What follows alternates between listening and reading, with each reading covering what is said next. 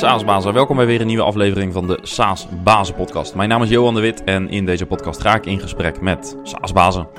En vandaag de gast, Robin van Lieshout.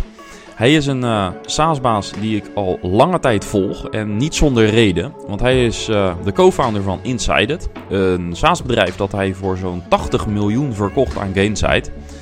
En tijdens de opname zat ik op het puntje van mijn stoel, want zoveel lessen deelt hij in dit gesprek. En persoonlijk vond ik het vooral ook een heel motiverend gesprek, want het verhaal van Robin laat zien dat je, uh, ook als het tegen zit of als je het even niet meer ziet, moet blijven proberen, blijven tweaken. Want als je echt luistert naar je klanten, is er altijd kans op die ene doorbraak. En extra leuk, Robin is niet alleen te horen in deze podcast. Hij is ook een van de sprekers op SaaS Summit Benelux op 8 november. En geloof me, dat wil je niet missen. Want met nog zo'n een kleine drie maanden te gaan, is de ticketverkoop in volle gang. En de opkomst is nu al boven verwachting. En ja, als je SaaS-baas bent, is dit dus echt de dag van het jaar om je collega SaaS-bazen te ontmoeten. Want natuurlijk schotelen we veel sprekers en workshops voor, maar het is vooral een moment om met je collega SaaS-ondernemers van uh, gedachten te wisselen. En dat geldt niet alleen voor CEO's. We verwelkomen de ja, hele C-level en VP-level. En uh, ja, met wat extra aandacht dit keer ook voor uh, tech. Want ik heb de afgelopen jaren talloze SaaS-conferenties bezocht. En wat me opviel is dat ja, toch vaak wel 99% van het programma gaat over business. Dus over marketing, sales, CS, funding en ga zo maar door. En dit terwijl we in de core uh, natuurlijk gewoon techbedrijven zijn. En daarom hebben we een volledige CTO-track gemaakt in de vorm van de Dev Lounge. Hier kunnen CTO's praten met hun vakgenoten. En uh, ja, kijk anders even op saassummit.io voor uh, alle info, het programma en ook de tickets. Ja, en ook voor deze aflevering uh, eerst een dank aan onze sponsor Leadinfo. Je hebt dit bericht misschien al vaak gehoord als je een vaste luisteraar bent. Maar misschien heb je Leadinfo nog niet getest. En mijn tip is, doe dat. Dat kan gratis. naar leadinfo.com slash saasbazen. En je start binnen een paar minuutjes en je ziet daarna welke bedrijven jouw website bezoeken. En zeker voor B2B SaaS is dat uh, wat mij betreft een onmisbare tool in je marketing en sales stack. Goed, uh, ja, hier is het gesprek met uh, Robin. Ik hoop dat je er net zoveel uithaalt als ik. Enjoy!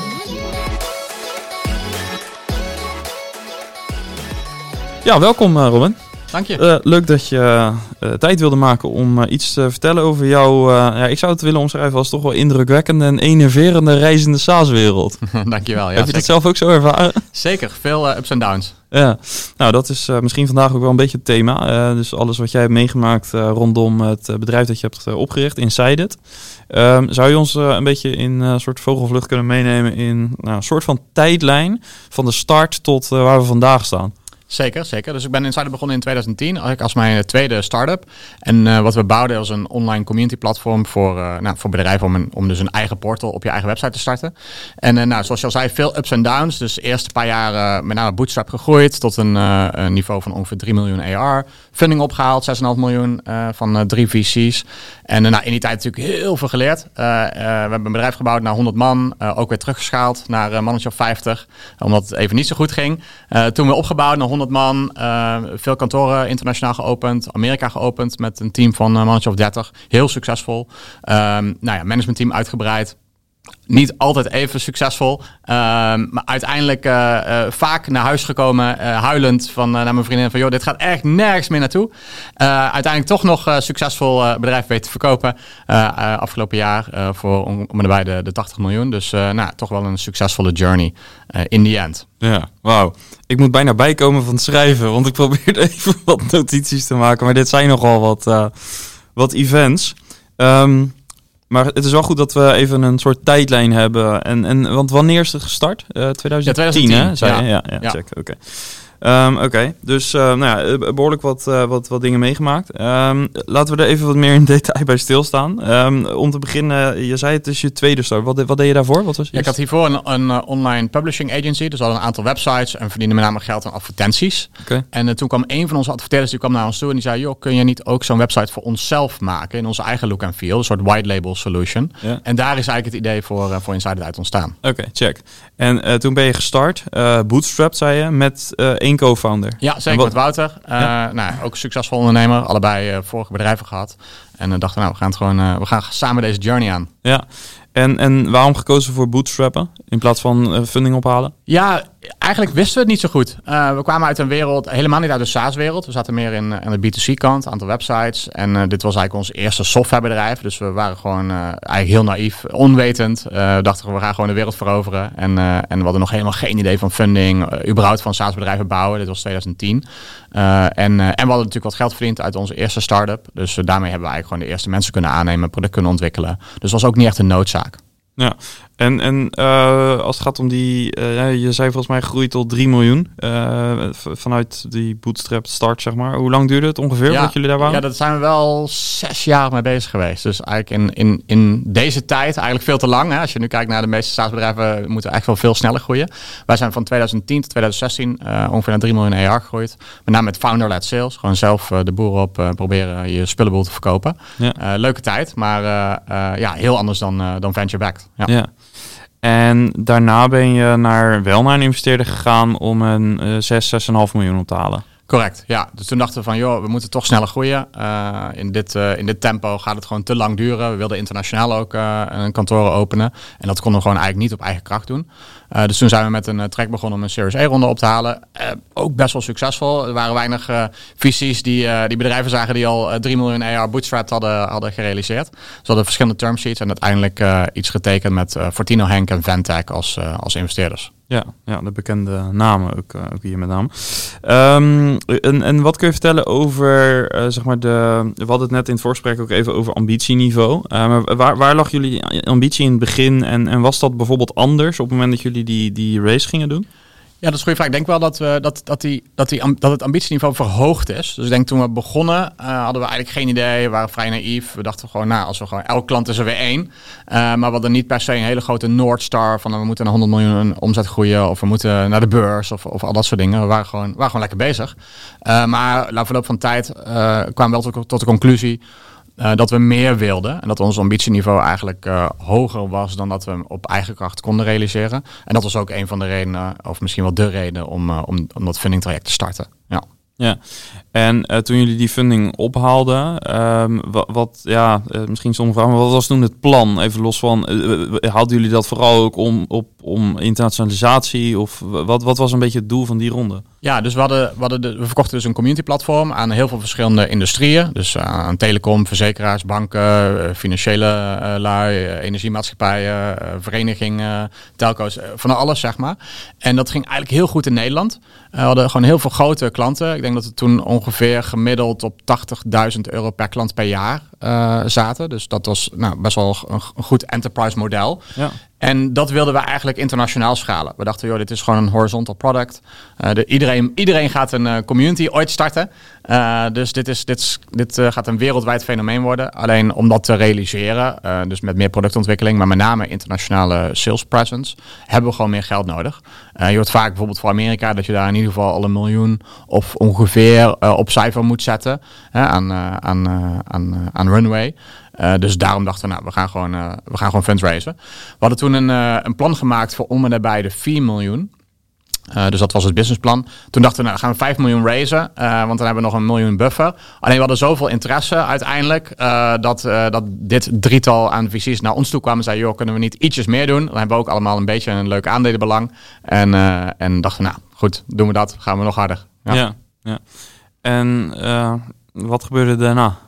Ja, dus de eerste eh, zes maanden, zes, negen maanden ging het best wel goed. We moesten natuurlijk een beetje wennen aan een, eh, aan een board, aan, aan investeerders. Hadden, hoe- ga je om met, ehm, met board meetings? Wat voor rapportages ga je doen? We moesten ineens heel veel mensen aannemen. Dus ik denk dat we toen in een maandje of zes of zo iets van 40, 50 mensen hebben aangenomen. Heel veel processen gebouwd, uh, meer zitten in cultuur, internationale salesmensen aangenomen. En de eerste resultaten waren best wel oké. Dus we verkochten wel een aantal, eh, aantal nieuwe dingen in, in andere landen. Ehm, dus iedereen was echt super enthousiast. Dat was echt een hele mooie tijd van Insided. Eh er was gewoon veel geld beschikbaar. We hadden heel hartstikke leuke feestjes. Iedereen kon overal naartoe, internationaal vliegen. eh, veel mensen. En nou, dat, dat was gewoon de, de booming days. Het werkte. Het werkte, ja. Ja. ja. ja. En vervolgens kwam je op het punt dat je moest halveren. Ja, dus uiteindelijk waar we een beetje achter kwamen is dat we ons product aan heel verschillende industrieën aan het verkopen waren. Uh, en dat het allemaal best wel grote deal size waren. En je zegt, uh, je zegt wel eens dat uh, churn is een lagging indicator. Nou, dat is bij ons ook wel een beetje. We zagen toch dat heel veel van die industrieën uiteindelijk niet per se ons product at scale adopten. Dus ze, ze, kochten het wel. Iedereen had het idee van ja, we moeten een community. Maar uiteindelijk was de, was de usage van die community onder hun klanten eigenlijk niet significant. en het andere ding wat we zagen is dat heel veel verschillende industrieën hadden toch ook wel heel veel verschillende roadmap requests dus een energiemaatschappij die wilde dit uh, integreren met hun community platform. Een telecomprovider die wilde dit. Een uh, vereniging die wilde weer een hele andere richting op uh, met het product. En dat konden we gewoon eigenlijk niet goed bijbenen. En naast dat we dus heel veel verschillende industrieën, verschillende roadmap requests, verschillende sales decks, nou ja, alles bij elkaar, was, het, was er gewoon eigenlijk te veel com complexiteit. Uh, wat eigenlijk uh, resulteerde in gewoon een te langzame groei ten opzichte van het businessplan wat we met de investeerders hadden afgesproken. Ja, terwijl hier in Nederland dus eigenlijk geen last van. Dus in Nederland werkte het op zich wel om een redelijk horizontale propositie te hebben, maar internet, dat schaalde dus niet. Dat schaalde dus inderdaad niet. Maar ook binnen Nederland zagen we wel, we hadden bijvoorbeeld op, op enig moment hadden we alle verzekeraars als klant. Die hadden allemaal een community. En eigenlijk bleek wel dat de klanten van die verzekeraar, ja, die wilden eigenlijk helemaal geen community. Dus wij waren uh, best wel goed in staat om ons product te verkopen en daar 100k voor te vragen uh, op jaarbasis. Uh, maar uiteindelijk was het gewoon niet super succesvol. Dus je zag dat er redelijk wat, wat klad in kwam, toch redelijk wat churn naar voren kwam. en onze nieuwe business kon dat gewoon niet bijhouden. En wat, wat, wat heeft die fase met jou als founder gedaan? Ja, dat was wel echt een hele ingewikkelde tijd. Um, dus uh, enerzijds natuurlijk naar onze investeerders toe, want we hadden gewoon een bepaald businessplan gemaakt. We zouden de wereld veroveren, heel veel groei. En, uh, en, en dat ging wel oké, maar uh, dus laten we zeggen, ik, misschien 30, 40, 50 procent groei. Maar dat was niet de 100, 150 procent groei die we initieel beloofd hadden. dus dat zijn natuurlijk best wel ingewikkelde gesprekken naar je investeerders toe. Van ja, oké jongens, we staan nu hier, het gaat niet according to plan. Dus dat, dat is ook wel heel leerzaam. zij zaten ook wel meteen op, eh, op het eh, spoor van oké, als dat niet het plan is, dan moeten we kijken naar die burn rate. En hoe snel wist je wat de oorzaak was? Um, nou, ik denk dat we dus na die fundingronde, ik denk dat na negen maanden ongeveer hadden we wel het idee van, mm, weet ik niet. En ik denk dat we een stap hebben gemaakt uh, na het eerste jaar. Dus ik denk dat we een eerste volledig jaar gewoon hebben uitgeëxecute. En dat we na dat jaar wel echt de balans hadden opgemaakt. Zeg, ja, nee, dit is gewoon niet per se, zeg maar, de richting. En, en wanneer kwam je, zeg maar, want je zegt dus na een jaar, maar eh, merkte je eigenlijk al in het jaar dat je, had je indicators of signalen dat je misschien niet op de goede weg was, maar wilde je vasthouden om het een kans te geven? Of merkte, eh, ja, hoe heeft dat eruit gezien? Ja, nee, om, de churn was nog niet zo zichtbaar, dus we hadden nog wel het idee van, nou, oké, bestaande klanten zijn allemaal blij. Uh, nieuw business in verschillende landen ging niet zo snel als we verwacht hadden. Maar toen dachten we ook, nou ja, Misschien moeten we nog even wat pivoten, wat proberen, experimenteren, nieuw sales deck, uh, meer marketingcampagnes, misschien net niet de juiste persoon, uh, misschien daar nog een replacement doen. Dus we zagen wel wat eerste signalen, maar we hadden daar, we hadden nog wel alle, het volste vertrouwen erin dat dit zou kunnen werken. Ja. ja. Uh, als ik hier een, een lesson learned uit moet halen voor de luisteraar, voor mezelf, um, is het fair om te zeggen dat um, op het moment dat je, laten we zeggen, jaarabonnementen verkoopt en dat je nog niet veel churn ziet, uh, dat misschien een betere metric om naar te kijken is op dat moment je productadoptie. Dat op het moment dat de adoptie laag is, dat de churn waarschijnlijk gaat volgen. Zeker, zeker. En uh, in die tijd had je, nu, nu heb je best wel veel software oplossingen die natuurlijk uh, adoptie ja. in kaart brengen en alle product usage dingen meten. Ja. En dat zou ik zeker gebruiken als leading indicator, zeker in de early days. Of als je een nieuwe propositie lanceert of een nieuw product lanceert. in die tijd was dat nog niet zo'n common metric. Nee. Ook onze investeerders vroegen daar niet echt heel erg naar. Uh, want die keek gewoon naar de churn en dat was gewoon oké nog. Ja. Um, dus dat heeft ongeveer een jaar geduurd, zeg ongeveer maar. een jaar geduurd, ja. Ja, ja. dus toen een ingewikkelde gesprek met investeerders. Uh, ik kan me nog één uh, specifiek gesprek uh, herinneren. Dat we hadden met, met het managementteam, dus mijn managementteam, en de investeerders afgesproken op een externe locatie. Want we wilden niet op kantoor, want het was best wel, nou, was best wel een heftige meeting. En nou, daar, daar tot aan, nou, toch best wel tot aan schreeuwens aan toe, bewijs van onderling, van joh, waar gaan we naartoe en waarom werkt dit niet en waarom weten jullie dit niet? En, en ook een beetje andersom. en achteraf dacht ik, die, uh, gast zit er wel echt heel strak in. Uh, een beetje wel door ondaan ook na die meeting. Uh, want het was wel duidelijk dat we, dat we eigenlijk onze burn rate moesten terugbrengen. Wat eigenlijk zou betekenen dus dat we mensen zouden moeten laten gaan. Dus dat was best wel een heftige meeting. En eigenlijk, als ik daar nu achteraf op reflecteer, hadden zij wel 100% gelijk. Uh, zij zagen misschien al wel eerder de signalen of waren misschien strikter in de maatregelen die we moesten nemen dan, dan dat ik toen als ondernemer zelf doorhad of zelf wilde accepteren. Uh, dus dat was voor mij wel een goede les dat nou ja, investeerders ook alweer echt een goede bijdrage kunnen leveren zeg maar, om jouw dingen te kunnen laten inzien. Hoewel ik dat op dat moment zelf niet zo voelde. En hoe komt er, waar, waar zit dat verschil in, denk je? Ja, ik denk, ik denk toch dat je trots bent als ondernemer. En dat je, dat je denkt, nee, het, het kan wel. En, en die positiviteit. En die heb je ook nodig natuurlijk als ondernemer. Want anders kom je ook nergens. Um, en je bent ook een beetje loyaal natuurlijk naar je mensen. Het vindt ook moeilijk. Je hebt net al die mensen aangenomen. Gaan we dit nou echt doen? Misschien kan het nog wel. Um, en ik denk dat de investeerders misschien toch net iets uh, zakelijker naar kijken. Iets meer op afstand. Uh, wat, ik heb wel, wat ik er wel heb leren waarderen. ja. ja. ja. En uh, ja, en verder ook persoonlijk. Dat was gewoon best wel een uh, hele journey. Dus uh, zoals ik al zei, ik ben, ben regelmatig thuis gekomen naar mijn vriendin, huilend van joh, dit bedrijf gaat nergens naartoe. We hebben opgebouwd naar een paar miljoen, maar nu iedereen gaat weg en we kunnen geen nieuwe business vinden en ik kan beter iets anders gaan doen. En nou ja, ook wel niet dat ik helemaal depressief thuis zat, maar, maar ik heb regelmatig een borreltje moeten drinken om even, ja. om even tot ontspanning te komen. Ja. Ja. En, en wat heeft er achteraf voor gezorgd dat je um, uh, niet zozeer uh, strategisch hoor, dat, dat zullen we het later over hebben, over de pivot. Maar wat heeft er voor jou voor persoonlijk voor gezorgd dat je toch het geloof hebt gehouden en energie had om door te gaan? Ja, ik denk dat dat ook wel te maken heeft met persoonlijkheid van mm, de meeste ondernemers, die toch wel gewoon doorgaan. En perseverance, dus je, je, moet wel. Er is niemand anders aan wie je dit kan, aan wie je dit kan overdragen. De, er, is, er is geen baas boven je. Jij bent degene die verantwoordelijk uh, is. Uh, en, en ja, de mensen die kijken toch naar jou. En dat is natuurlijk wel anders dan, uh, dan dat je ergens gewoon in dienst bent. Waar je kan zeggen, nou ja, ik, ik zag gewoon mijn baan op en iemand anders fixt het wel. Dat, Er is niemand anders die het fixt. Nee. Dus je verantwoordelijkheidsgevoel. je verantwoordelijkheidsgevoel is enorm. Ja. Je hebt honderd mensen op de payroll. Je hebt uh, miljoenen geld opgehaald van investeerders. Uh, dus there is just no other way. Ja. Ja. En, en uh, nu jaren later kun je dit natuurlijk met minder emotie beschrijven, dat snap ik. Uh, maar als je even terug gaat naar dat moment dat je uit die meeting stapt met die investeerders, waar inderdaad over en weer de verwijten worden gemaakt en hier en daar wat geroepen wordt. Hoe, hoe, hoe, hoe herstelt zich dat en uh, hoe, hoe is op dat moment de maanden daarna de dynamiek op het moment dat je zoekend bent naar die oplossing? Want het probleem is niet opgelost na die meeting. Het probleem is niet opgelost na die meeting. Maar wat wel duidelijk was, is dat ons huidige uitgavenpatroon niet paste bij de groei die we op dit moment doormaakten. Hm. Uh, dus nou ja, nadat we even gewoon uh, met elkaar even uh, een, een, biertje hadden gedronken, gingen we toch al snel in de dagen daarop uh, met elkaar in een soort van offside bij mij thuis door het hele kostenpatroon van het bedrijf heen en door alle mensen en nadenken, oké, als we dit bedrijf zouden moeten terugschalen, hoe ziet dat er dan uit? Als we nu opnieuw zouden beginnen en we hebben dit, we dit omzetniveau en deze groei, ja, hoe zou ik dat dan opnieuw doen en opnieuw inrichten? En daar kwam wel een soort nieuwe organisatie uit en daarop moesten we wel snel executen. Ja. En, en uh, ja, we hadden het net al even over waar haal je zeg maar, de energie vandaan. Uh, maar op het moment dat je dan inderdaad met het team, met, nou ja, misschien wel uh, heb, je, heb je gehalveerd. En dan moet je weer in de aanval. Dus je, je zit vol in de aanval. Je moet vol op de rem trappen. En vervolgens moet je weer gaan aanvallen. Hoe vind je dat dan weer? Ja, nee, dat is, dat is, dat is best wel ingewikkeld. En uh, gedurende mijn nou ja, tien jaar inside en, en daarvoor ook nog acht jaar dat andere bedrijf, heb ik wel gemerkt dat ja, people come and go. Hè. Je, je bent zelf de buschauffeur en, en je, er komen telkens nieuwe mensen in de bus, maar die stappen ook weer ergens uit. En jij bent degene die blijft. En dat voelt soms ook wel super eenzaam. En dat had ik toen ook. Dus we hebben toen een aantal mensen moeten laten gaan. Ook het meeste van mijn managementteam uh, is toen of opgestapt zelf of hebben we laten gaan.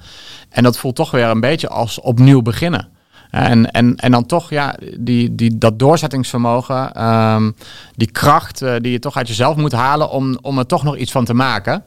En, uh, en toen met name nagedacht, uh, ook al met een aantal adviseurs en coaches, uh, over oké, wat zou, hoe zou een volgende stap eruit zien? Ik heb toen regelmatig gezegd, joh, over twee jaar als het nog zo is, of over een jaar als het nog zo is, dan, dan stop ik ermee. Ja, want ik, ik schreef net al, heb jij wel eens getwijfeld aan je eigen rol op dat moment? Nou, niet zozeer aan mijn eigen rol als CEO. Ik had wel uh, zelf altijd het idee van, nou, ik denk niet dat er nu op dit moment een persoon is die het beter zou kunnen, gegeven alle kennis en ervaring, zeg maar, die ik uit deze industrie meebreng. Uh, maar ik twijfel wel een beetje aan mezelf. Kan ik überhaupt wel een bedrijf succesvol maken?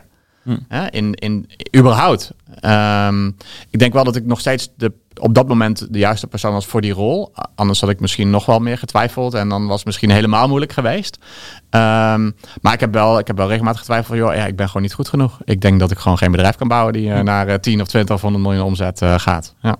En, en eh, hoe zag de dynamiek tussen jou en je co-founder en je managementteam eruit in deze fase? De, de, de dynamiek met de investeerders hebben we geschetst, maar ik kan me voorstellen dat het intern ook onder druk komt te staan. Zeker, zeker. Ja, zeker. Omdat je hebt gewoon een aantal eh, mensen in je MT aangenomen die allemaal eh, zijn ingestapt om een bedrijf in om te schalen en te groeien. En die allemaal een bepaald profiel en, eh, en, eh, en bepaalde verwachtingen en, en, en ook bepaalde salarisverwachtingen bijvoorbeeld. Ja. En als je dan weer eh, terug gaat schalen, ja, dan, dan gaat het toch wel een beetje wringen. Eh, dus daarom is het denk ik ook goed dat we, dat we ook in het managementteam op zoek zijn gegaan naar nieuwe profielen. Eh, mensen die nog eh, iets meer geschikt waren voor toch weer één fase terug. Eh, misschien waren we te snel met het schalen naar, na- naar, de, naar, naar, de, naar de grote jongens, zeg maar.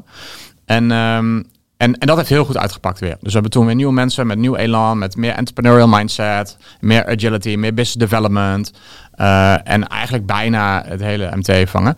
Eh mijn co-founder bleef wel gewoon. Hij had ook wel zoiets van, ja, ik wil graag. Eh, uiteindelijk is die in die journey ook alweer, werd het voor hem ook te veel en te groot. En had hij andere ideeën ook voor nieuwe start-ups. Dus hij is iets eerder weggegaan dan ik. Maar in die tijd hebben we wel veel, veel steun aan elkaar gehad. En want, ja, het is toch een beetje de twee founders plus het hele managementteam. Ja. Maar uiteindelijk goed uitgepakt. Ja.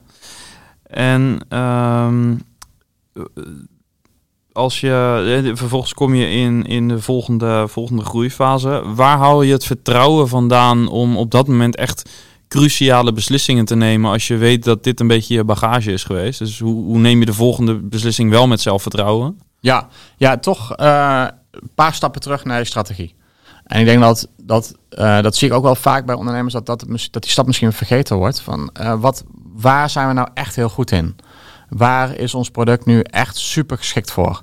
Ehm, wat maakt ons nu un- uniek, zeg maar? En niet zozeer qua productfeatures en, en functionaliteiten, maar gewoon als DNA qua organisatie. Ehm, heel veel factoren kan je op een rijtje zetten en dan nadenken: oké, eh, gegeven dit, eh, plus waar gaat de markt dan heen? Wat zijn nou, wat zijn nou mijn next steps moeten zijn? En ik kreeg toch wat vertrouwen dat we uiteindelijk eh, samen met een aantal mensen om ons heen een nieuwe strategie hebben kunnen ontwikkelen waar iedereen wel echt enorm veel energie van kreeg. Ja. Hm. Ja. ja. En, en eh, als we dat lijntje even volgen, want eh, je gaat dan een, een pivot aan waarbij je dus meer focus aanbrengt, volgens mij vooral. Dus duidelijkere klantgroepen en, en eh, minder zijpaadjes. Ehm, vervolgens groei je eh, naar 10 miljoen ARR, even fast forward. Hoe Ja. lang heeft dat ongeveer geduurd vanaf dit moment? Ja, dus, eh, dus eh 2010 gestart, 2016 funding opgehaald. Eh, Ik denk 2018, 2019 hebben we ongeveer die pivot gedaan. En toen hebben we inderdaad in twee, drie jaar tijd eh enorm versnelling gemaakt. Ja. Ehm, en wat, er toen, wat eigenlijk de basis van deze hele eh, versnelling en pivot en strategiewijziging is dat we dus begonnen waren met een product die aan heel veel verschillende industrieën verkocht. Ik noemde er al een paar in het begin. En dat we eh, nadat we dat het even niet zo goed ging, hebben we gezegd: oké, we gaan vanaf nu alleen maar aan deze industrie verkopen. En dat was voor ons was dat andere softwarebedrijven. Dus ons product gingen we verkopen aan andere softwarebedrijven. Dat betekende dat ik eh, eigenlijk van nou ja, dag 1 op dag 2 naar het sales, aan het salesteam zei: joh, jullie krijgen geen commissie meer op industrieën, behalve eh, aan andere softwarebedrijven. Nou, dat heeft ook best wel een impact. Ja. Eh, iedereen intern dacht, nou, zeker aan het begin van, nou, die Robin is helemaal gek geworden. Eh, want eh 80 of 90 procent eh, van onze omzet komt uit deze industrieën. We hadden echt maar een paar klanten in, eh, in software nog. En waar haalde je de validatie vandaan? Wat, wat zorgde ervoor dat je hierin geloofde? Ja, dat is, eh, voor een deel is het gewoon je intuïtie en just a bet. Want we moesten iets. Ja. Eh, en voor een deel was het dus, oké, daar zien we wel eh, traction op ons product. Daar zien we dat, eh, dat eh, bedrijven die ons product kochten, dat waren dus echt maar een handvol, die snapten onze propositie meteen. Die vroegen geen korting. Die eh, gingen heel smooth door onze implementatie heen. Die hadden hoge productadoptie. Dus eigenlijk, dat waren gewoon hele klanten die heel smooth gingen. Ja. Eigenlijk. Dat, dat, hadden we gewoon een soort van natural pad. En daarnaast zagen we dat we initieel eh, verkochten we onze community oplossing met name uh, voor support teams. Dus hoe kan je nou support offloaden door een soort digitale support, een digitaal supportkanaal te lanceren. En wat we daarnaast zagen is dat customer success enorm opkwam. Ja, dus het feit dat je van, van support naar customer success, van, uh, van reactief uh, break-fix modus naar hoe kan ik nou proactief zorgen dat mijn klanten naar, uh, naar, hun, naar hun outcomes begeleid worden. En dachten, ja, dat is bij in softwarebedrijven enorm belangrijk. Dus toen hebben we, naast dat we alleen die, uh, die, uh, die vertical gingen targeten, dus alleen maar B2B software, hebben we ook onze positionering aangepast van support naar customer success. Mm. En, die, en dat is eigenlijk een bredere trend die we zagen in, uh, in de wereld van software. En die twee dingen, ik kan me ook nog herinneren dat we, dat we die strategie hadden we dan zo'n beetje uitbedacht in december. En, um, en in januari hebben we onze annual kick-off van het bedrijf. En iedereen dacht, nou, het wordt gewoon een continuatie van uh, wat we aan het doen zijn. Zelfs een aantal mensen in het senior leadership team. En toen heb ik nog uh, tussen, tussen kerst en oud en nu heb ik nog een heel nieuw plan in elkaar gezet voor onze yearly. Een hele nieuwe strategiepresentatie. Waarin we dus, hey jongens, trouwens, we gaan echt alleen maar voor B2B en alleen maar voor customer success. Dus dat was wel even een, uh, dat was wel even een mooi moment in onze yearly. Ja. Uh, dus ja, en dan terug naar dat vertrouwen. Ja, dat moet je dan wel hebben als ondernemer. Ja. dat dit dan de juiste move is. Enerzijds door, ja, we moeten iets, maar ook wel een beetje gestrengthened door de, door de strategie en, en de datapunten die we dan hadden, hadden verzameld. Ja. Ja, en achteraf klinkt het een, waarschijnlijk iets makkelijker. Maar ik kan me voorstellen dat uh, zeg maar de hele beweging dat uh, customer van support naar customer succes en van customer succes eigenlijk naar dat customer succes een profit center is. Is het heel logisch, want dan wordt het bijna een revenue enabler als je dan een community product bouwt. Exact, ja. ja. ja. En, en customer succes in, uh, in nou ja, vijf jaar geleden was ook nog niet zo groot. Nee. Dus dat was ook nog wel een upcoming trend die we zagen. Waar we denken, nou, als we ons daar nou een beetje aan vasthouden, uh, dan gaat het misschien ook iets makkelijker als bedrijf. Waren jullie een categorie creator, denk je? Of... Nou, ik denk dat, dat de, de grappige is dat communities aan zich als, als, als, als concept natuurlijk al heel lang bestaat. Iedereen heeft wel een bepaalde gedachte bij een community. Alleen hoe je een community voor deze specifieke vertical binnen Customer Success inzet, daar, daar waren we eigenlijk de eerste en de enige in. En dat, dat heeft ons wel geholpen natuurlijk. Ja. Ja, het is wel een vorm van een Blue Ocean uh, ja. strategie ja, die jullie zeker. hebben ingezet. Ja, ja, nee zeker. En uiteindelijk ook, ik denk dat we nu misschien één of twee concurrenten hebben. Wat natuurlijk nog echt heel weinig is als je kijkt naar de meeste software categorieën. Ja. Ja. en zeker in deze markt die uh, heel erg groeiend is. Ja. Um, Oké, okay, dus je, je bent begonnen met, uh, of tenminste, maar een van de belangrijke stappen was dus om het sales team anders te gaan incentivizen. Um, wat heb je verder moeten doen om deze focus uh, te verscherpen? Ja, dus eigenlijk op alle gebieden. Dus we zijn uh, dus beginnen met onze, onze positionering, met onze marketingmachine, met onze website. Dus we hebben eigenlijk bijna alle klantlogo's die we hadden in de andere industrie hebben we gewoon van de website gehaald. En alleen maar de klantlogo's gepositioneerd op de industrie waar we mee door wilden gaan. We hebben hele positionering aangepast van support naar customer success. We hebben in onze roadmap hebben we integraties gemaakt met andere customer success systemen. Uh, bijvoorbeeld Gainsight was toen de leader in, uh, in customer success software. Proberen samenwerking mee op te zetten. Het salesapparaat inderdaad gezegd, nou jongens, we gaan alleen maar jullie incentivizen voor deze en deze type deals en deze niet meer. en uiteindelijk hebben we een apart team gecreëerd in onze organisatie die onze oudere klanten begeleiden. Dus we hadden toen nog heel veel nou, telco's en banken en dingen. En die wilden we nog wel behouden, want ja, wat, dat was eigenlijk nou ja, 95% van onze omzet. Ja. En uh, we gingen ineens de hele website aanpassen naar uh, een hele nieuwe positionering. En we moesten natuurlijk voorkomen dat die oude klanten, bij wijze van spreken, dachten van... joh, uh, waar gaat het bedrijf heen? Dit is, dit is niet voor mij. Dus dat, was wel, dat, dat waren een paar ingewikkelde jaren om dat allebei naast elkaar nog te kunnen managen. Want je, die revenue stream van die, van die eerdere groep klanten kan je natuurlijk niet zomaar missen. Nee. Dus eigenlijk het verleden betaalt, uh, betaalt de rekeningen, maar de toekomst is eigenlijk de, het, het, een heel nieuw segment waar je nog heel veel moet leren en waar je nog niet noodzakelijkerwijs heel veel omzet hebt. Exact, exact. Ja. Ja. ja. en dat ging gelukkig daarna wel redelijk snel. Ja. dus we zijn, uh, we hebben, nou ja, laten we zeggen, als we stel we hebben dit bedrijf tien jaar gedaan.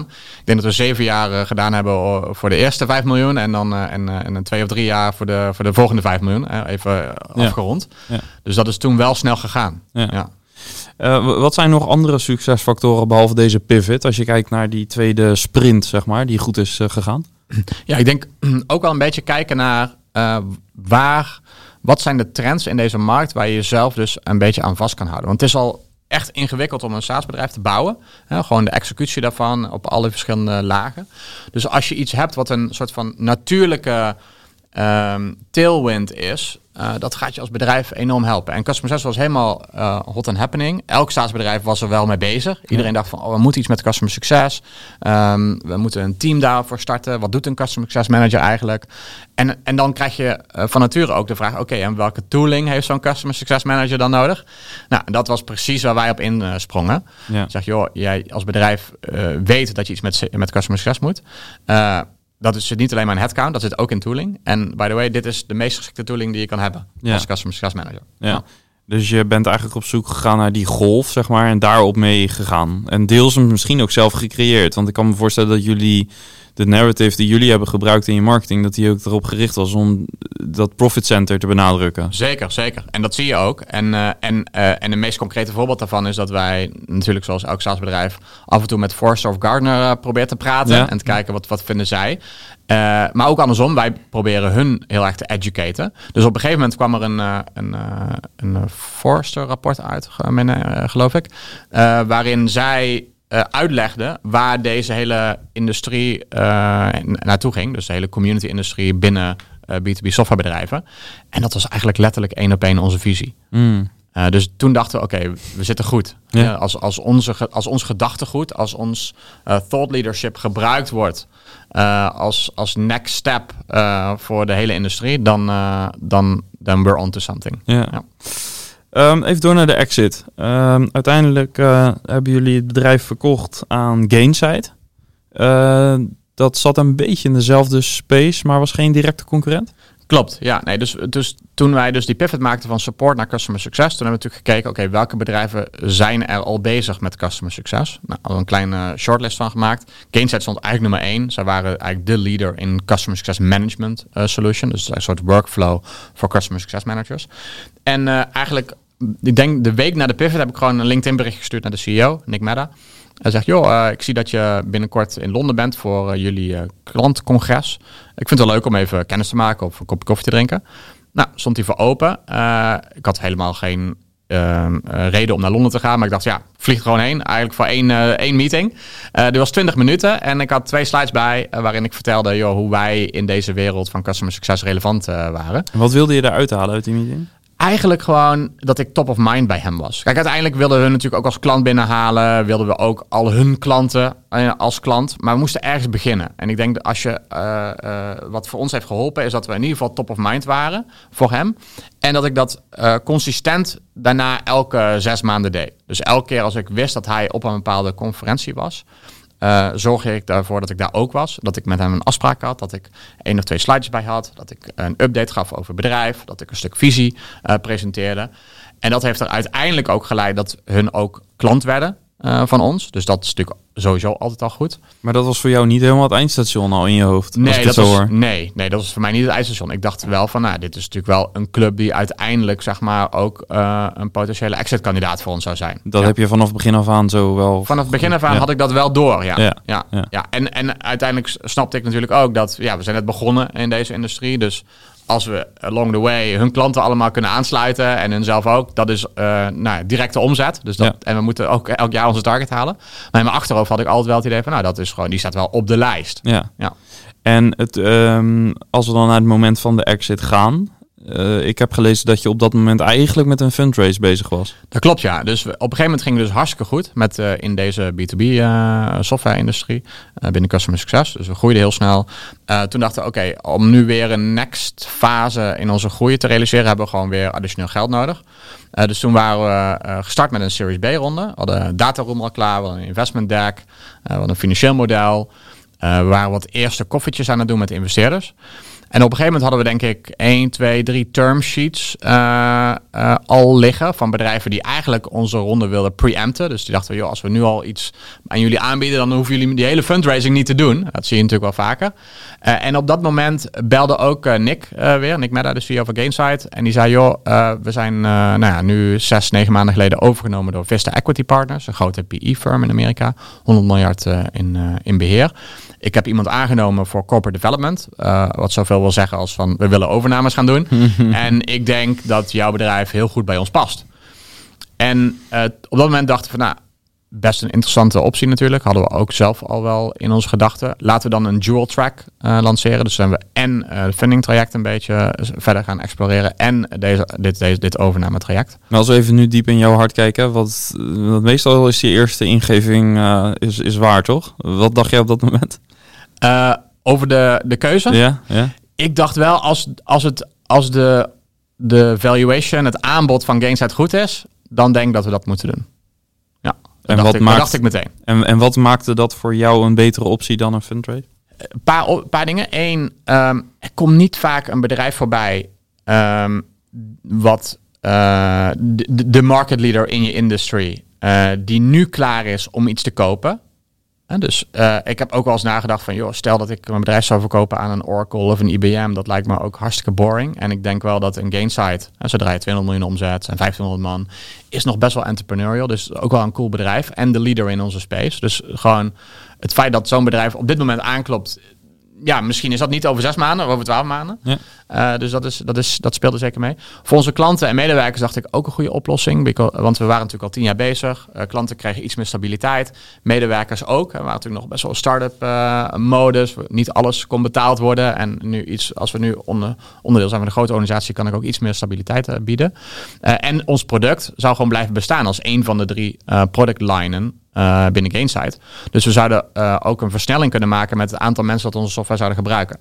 Dus al die drie dingen bij elkaar opgeteld, dacht ik, ja, dit is, het, dit is, uh, dit is voor ons een hele goede optie. Kijk, achteraf, als ik nu terugkijk naar, die, naar, die, naar dat moment, dat is vorig jaar januari geweest, is natuurlijk het moment waarop we deze deal hebben gedaan ook natuurlijk wel gewoon heel goed. Ja, als je kijkt market de, ja precies. Als je kijkt naar de multiple, even plat exact, gezegd. Ja, exact. Kijk, toen uh, zaten we nog allemaal in een bubbel. ik grap wel eens, uh, niemand die wil verkopen als het goed gaat en iedereen wil verkopen als het slecht gaat.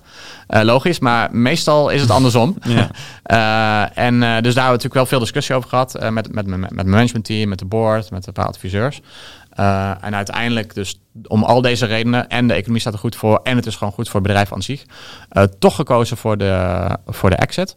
Uh, hoewel de valuations van de term sheets voor een Series B-ronde ook nog wel hoger lagen dan, dan onze exit-waardering. Dus mm. ja, dat, dat, dat deed toch ook wel weer een beetje pijn, maar ook wel weer logisch. Ja, en wat kun je delen over de valuations? Ja, dus uiteindelijk uh, is uh, ons bedrijf bestond natuurlijk uit een soort B2C-omzet en een B2B-omzet. Uh, die B2B-omzet is echt, nou ja, against de multiples van, van anderhalf jaar geleden gegaan. Het bedrijf is uiteindelijk ongeveer voor, nou, om Dan moet ik denken aan 10. ja, zeker. Ja, zelfs nog iets hoger. Ja, ja, minstens 10. Minstens, ja, ja, tussen de 10 en 15. En, um, en nou, het bedrijf is totaal dus ongeveer voor om en bij de 80 miljoen verkocht. Um, ja, dus daar en in een, in een heel goed moment voor ons. Ja, ja. ja, want dat zou nu uh, de helft zijn mogelijk. Ja, ik, ja dat, dat, is wel grappig, want ik, ik grap wel eens inderdaad van... Uh, uh, enerzijds de economie, dat zou onze waardering waarschijnlijk door de, door de helft uh, gedaan hebben. Dus stel dat je gaat van 80 naar 40. Ja. En dan die pivot die we hebben gemaakt, stel dat ik dat niet had gedaan, en dus de, me de meerderheid van de omzet kwam uiteindelijk dus uit het nieuwe segment. Ja, dus uh, die, 75% van je omzet kwam uiteindelijk uit uh, B2B SaaS. Uh, ja, iets minder, zelf, ietsje minder denk ik nog, maar misschien rond de 60% of zo. Okay. Maar die multiples op die omzet waren natuurlijk significant verhogen. dus ja. uiteindelijk is driekwart van de waardering is in de laatste drie jaar ontstaan. Ja. dus je hebt tien jaar je bedrijf gebouwd en dan is driekwart van de waardering in de laatste drie jaar. Dat is natuurlijk gigantisch qua, qua nou, potentieel voor een pivot. dus ik zeg altijd tegen andere SaaS-ondernemers. Als het even slecht gaat, don't worry. Het kan altijd nog beter. Het kan altijd weer goed komen. Uh, maar als ik dat dus niet had gedaan, dan, dan, van die 80 toch naar die 40 en daar dan misschien een kwart van, dan was nou, misschien 10 miljoen inderdaad uiteindelijk de exit geweest. Dus er zijn een aantal pivotal moments, denk ik inderdaad, in deze journey, die hebben gezorgd voor die, uh, voor die hogere exit. Ja. ja, en met name dus die focus. Ja, om, om de, de, de, keuze durven te maken. Ideal customer profile, uh, dat iedereen heeft het natuurlijk over. Uh, je leest er veel blogs over. En, uh, en dat heb ik wel met de, de, harde hand gerealiseerd, hoe belangrijk dat eigenlijk is. Ja, bij jouw verhaal dan denk ik bijna aan only uh, de customer profile of zo. dat is ja, geen goed Engels, ja. maar daar ja. komt het eigenlijk een beetje op neer. Je ja, zeker, gewoon, gewoon, echt, echt relentless geweest op dat. Zeker, zeker. En, en ook wel realiseren dat misschien de eerste jaren van een SaaS-bedrijf je dat ook gewoon nog niet weet. Misschien moet je ook gewoon eerst experimenteren. Veel verschillende klanten aansluiten. Kijken wat werkt, wat niet werkt. Uh, maar uiteindelijk een keuze voor iets wat heel goed werkt. Hè, double down on focus. Dus ja. echt een perfect voorbeeld van focus natuurlijk. Um, heeft voor ons in ieder geval heel goed uitgepakt. Ja, ja. Uh, ja, en voor ons, maar ik weet dat jij ook uh, uh, veel betrokken bent bij andere. je kent heel veel SaaS-bedrijven. je hebt mega veel klanten natuurlijk die SaaS-bedrijven zijn. Dus je kent de SaaS-markt door en door. Ehm, dit geldt denk ik niet alleen voor jullie die focus. Ik, bedoel, ik kan me voorstellen dat het een onderdeel is van jouw standaard advies. ja, ik, ik, heb, ik heb geleerd uh, minder snel advies te geven aan bedrijven, want elke situatie is toch net iets anders. Mhm. Maar echt terug te pakken naar, oké, wat is je strategie? Wat maakt jou dan uniek? Waarom zou dit wel of niet bij jou passen? Hoe groot is jouw markt? Is die markt internationaal of alleen maar hier? Nou ja, dus er zijn heel veel factoren die uiteindelijk tot een bepaalde beslissing moeten leiden. Maar inderdaad, Ideal Customer Profile is wel iets wat uh, top of mind van mij is. En waar ook best wel veel bedrijven mee struggelen, heb ik gemerkt. Ja, dan, je bent begonnen als SaaS-ondernemer. Iedereen wil van je kopen. Jij verkoopt ook gewoon aan iedereen, want je hebt geen idee. Iedereen die geld uh, biedt, die uh, uiteraard, hè, je stuurt de factuur op. en dan ergens in je journey zie je toch wel, of heb ik wel veel gezien bij bedrijven, dat ze ergens vastlopen. En vaak komt dat dan toch wel weer terug op die ideal customer profile. Van op welk segment kan ik nou echt doorschalen? Ja. Uh, dat zou misschien nog een uh, losse aflevering uh, kunnen zijn. maar ik kan eigenlijk de verleiding niet weerstaan om ook even met je over communities te praten. Um, en natuurlijk om twee redenen. Allereerst een klein beetje eigen belang, omdat ik zelf natuurlijk graag met communities bezig ben. Maar veel belangrijker natuurlijk is, is het feit dat, je zei het al, veel SaaS-bedrijven in hun go-to-market ook iets met een community zouden moeten of kunnen. Um, wat, wat maakt een community een krachtig instrument voor, voor een SaaS-bedrijf? Ik denk uiteindelijk dat het het enige sustainable competitive advantage is. Nou, als je kijkt naar een SaaS-bedrijf, als je kijkt naar beginnen met het product, uh, iedereen kan features en functionaliteiten bouwen. Sterker nog, uh, iedereen probeert elkaar uh, natuurlijk helemaal te outperformen op roadmap. Maar R&D in the end is, is gewoon in een, niet unlimited. Hè? Dus features worden gecommoditized. zeker nu met AI. Wordt allemaal veel sneller gebouwd. Dus ik denk op feature set kan je in the end gewoon niet competen. Dan op customer success of customer relationship ook niet. Dus uiteindelijk is, is dat geen schaalbaar model naar, uh, naar uh, tienduizenden klanten toe. Om allemaal één op één uh, met je klant en services en, en, en één op één white glove customer success. Is gewoon geen sustainable differentiator. Zeker niet voor je PL. Ehm, dus het enige wat je hebt uiteindelijk is je brand, is je community, is, is alles wat er om, wat om je merk heen hangt. En dat zie je goed terug bij alle grote softwarebedrijven. Bijvoorbeeld, uh, nou ja, Salesforce is natuurlijk gewoon de ultimate uh, SaaS uh, guru. zij hebben een hele sterke community. Enerzijds met het Force.com platform, waar natuurlijk enorm veel developers actief zijn, dingen bouwen, integraties bouwen, et cetera. Maar ook gewoon met hun eigen human first community, waar ze gewoon veel mensen aan elkaar connecten, waar je heel veel admin users hebt die Salesforce admin zijn, die over de hele wereld daar banen en salaris mee verdienen. Um, dus de community om je product is denk ik uiteindelijk het enige wat je bedrijf echt sustainable maakt. En wat is uh, in jouw definitie een community? Wat houdt het in? Ja, dus iedereen heeft natuurlijk daar inderdaad andere gedachten bij. Uh, wat mij betreft is het gewoon de groep van uh, gebruikers, dus al jouw klanten, maar ook prospects en partners, et cetera, met elkaar verbinden. En dat kan, als jij een 10-person startup bent, kan dat gewoon al met een maandelijkse Zoom-call, waarin je mensen bij elkaar brengt en ervaringen onderling laat delen. Dat kan zijn met uh, een, een pizzaavond sessie met 40 klanten, die, waar je een presentatietje doet en waar, je, waar je mensen onderling leuke ervaringen en inspiratie laat delen. Ja. Of dat kan, zoals nu bij Gainsight, dat je een heel groot congres organiseert voor duizenden mensen in het Mosconi-gebouw. Eh, waarin je heel groot uitpakt en eh, waar gewoon een budget van, eh, van een paar miljoen in zit. Ehm, dus het zit, in, het zit in mensen verbinden, het zit in events en het zit in een soort online platform waarin je tussendoor mensen met elkaar kan verbinden in verschillende gebruikersgroepen, in verschillende forumcategorieën bijvoorbeeld. zorg dat klanten onderling inspiratie delen, dat ze op de hoogte kunnen blijven van jouw product met product roadmap, release, release notes, ja. al, al die dingen bij elkaar. Ja. Um, nu, nu heb ik wel eens de neiging om, om B2B SaaS bedrijven een beetje in, op één groep te gooien. Uh, maar er zijn natuurlijk heel veel uh, subgroepen ook weer. Hè? Dus uh, denk aan bedrijven die misschien helemaal PLG zijn. Anderen hebben misschien een sales-led approach. zijn heel erg enterprise gericht. Andere SMB. dus Dus daar zit misschien heel veel variatie in. Ehm, is, is een community nou nog, sluit dat beter aan op een specifiek segment met een bepaalde markt of bepaalde go-to-market? Of? Ja, dat, is een goede vraag. Um, ik, eh, voor PLG companies, dus uh, laat zeggen bedrijven die veel klanten hebben met, uh, met relatief lage ECV, is het een no-brainer. Want jij kan niet al je klanten één op één bedienen. Je kan die niet allemaal bellen, uh, mee connecten, kijken wat ze willen. Dus om op een schaalbare manier je hele customer base met elkaar te verbinden, is, is eigenlijk gewoon een noodzakelijkheid. Uh, dat gezegd hebbende is een community uh, in principe relevant voor alle bedrijven. Dus ook jouw grotere klanten, die misschien een ton of twee ton betalen, die zijn op zoek naar inspiratie van andere klanten. Ja. Die zijn op zoek naar uh, wat doe jij als bedrijf? Wat voor nieuwe releases heb jij? en die willen naar een community platform en die willen gewoon kijken wat, ja. wat er gebeurt. die zijn op zoek naar self-service artikelen, naar how-to's, naar knowledge-based artikelen, die allemaal onderdeel zijn van je community. Die zijn op zoek naar education, naar, tra naar trainingen, naar video's als onderdeel van je community om, om te snappen wat je product doet en, en hoe ze ermee kunnen werken. Uh, dus voor sommige bedrijven is het een noodzaak. Maar voor elk bedrijf is het eigenlijk een, een demand van, van de eindklant. Ik krijg vaak de vraag, ja, maar wanneer is een community nou eigenlijk relevant? Hoeveel klanten moet ik dan hebben? Ja, ik denk als je, stel je hebt 50 klanten, dan wil je toch weten wat voor feature requests die hebben. Wat zij van jouw product vinden. Ja. Dus om die klanten met elkaar te verbinden al, of uh, te laten stemmen op bepaalde roadmap functionaliteiten. Dat is toch al relevant als je 50 klanten hebt. Ja. Je hoeft toch niet te wachten tot je, tot je miljoenen klanten hebt. Ja. ja. ja ik kan het alleen maar beamen natuurlijk vanuit mijn uh, uh, fascinatie ook voor communities. Maar wat ik aan de andere kant van het spectrum ook veel zie, is SaaS-bedrijven, zeker als ze PLG in gedachten hebben, dat ze denken van ja, ik bouw dus een superieur product. En uh, dat is helemaal self-service. Ik overdrijf het misschien een beetje, maar het is 100% self-service. Dus ik wil helemaal niet uh, die interactie met mensen zoeken. Niet één op één en niet, niet op grote schaal. Uh, wat zeg jij tegen mensen die die mindset hebben? Ja, interessant.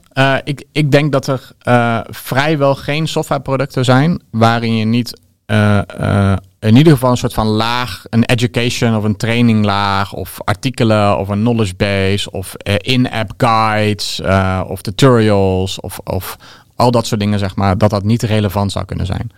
Uh, dat, dat, dat heb ik nog niet meegemaakt. Nee. Nee, het is ook software as a service. Die laatste S staat er ook niet voor niets. En dat zou in dit geval ook dus een community kunnen zijn. Exact. Ja.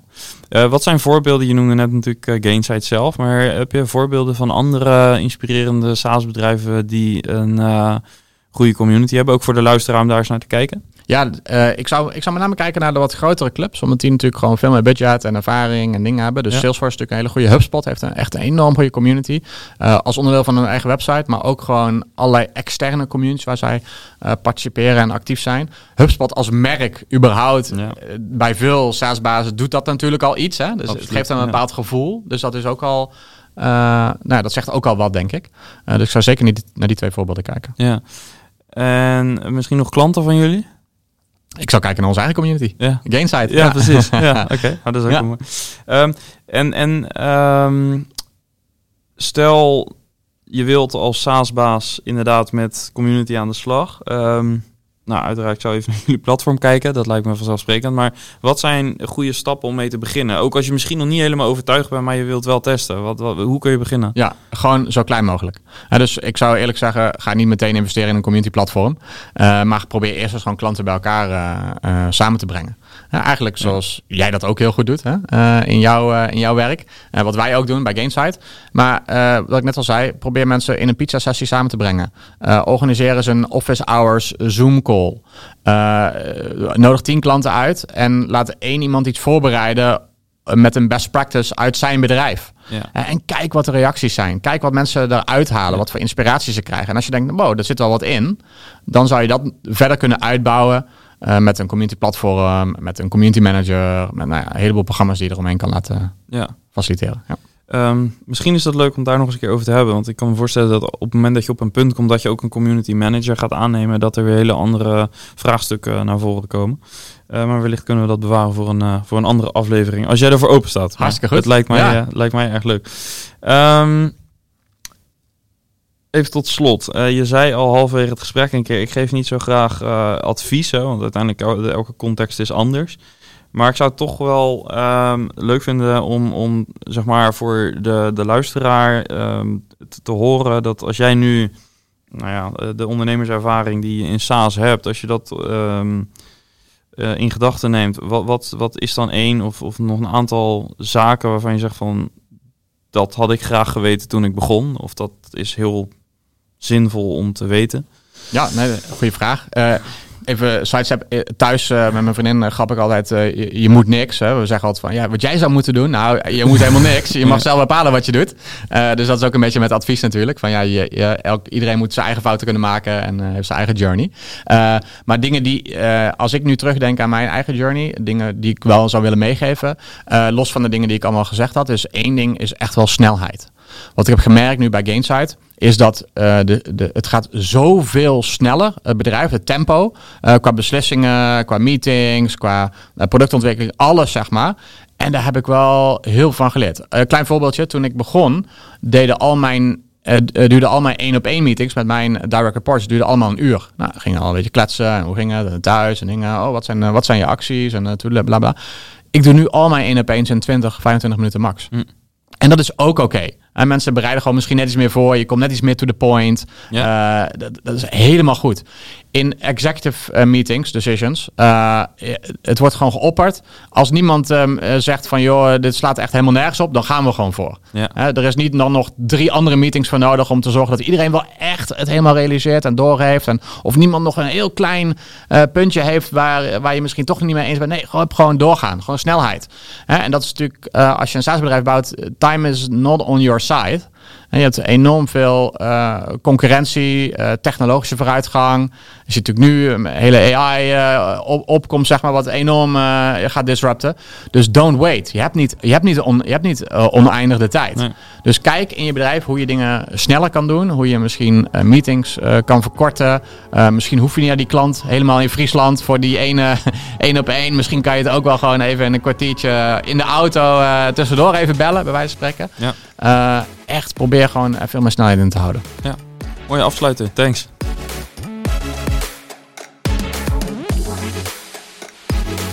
Ja, en dat is dus even bijkomen. Fijn dat je bent gebleven tot het einde. En zoals in de intro aangekondigd, organiseren we op 8 november 2023 het event SaaS Summit Benelux. En Robin is zoals gezegd een van de sprekers. En natuurlijk staat er veel meer op het programma. Kijk even op de website saassummit.io voor eh, het programma en de tickets. En als je lid bent van SaaSbazen, dan krijg je trouwens ook korting op je ticket. En ben je nog geen lid, dan uh, kan je dat natuurlijk doen. Ga naar saasbazen.nl en meld je aan. Daar staat ook uitgelegd wat je daar allemaal voor terugkrijgt. En voor nu vooral heel veel dank voor het luisteren. Tot volgende week. Ciao.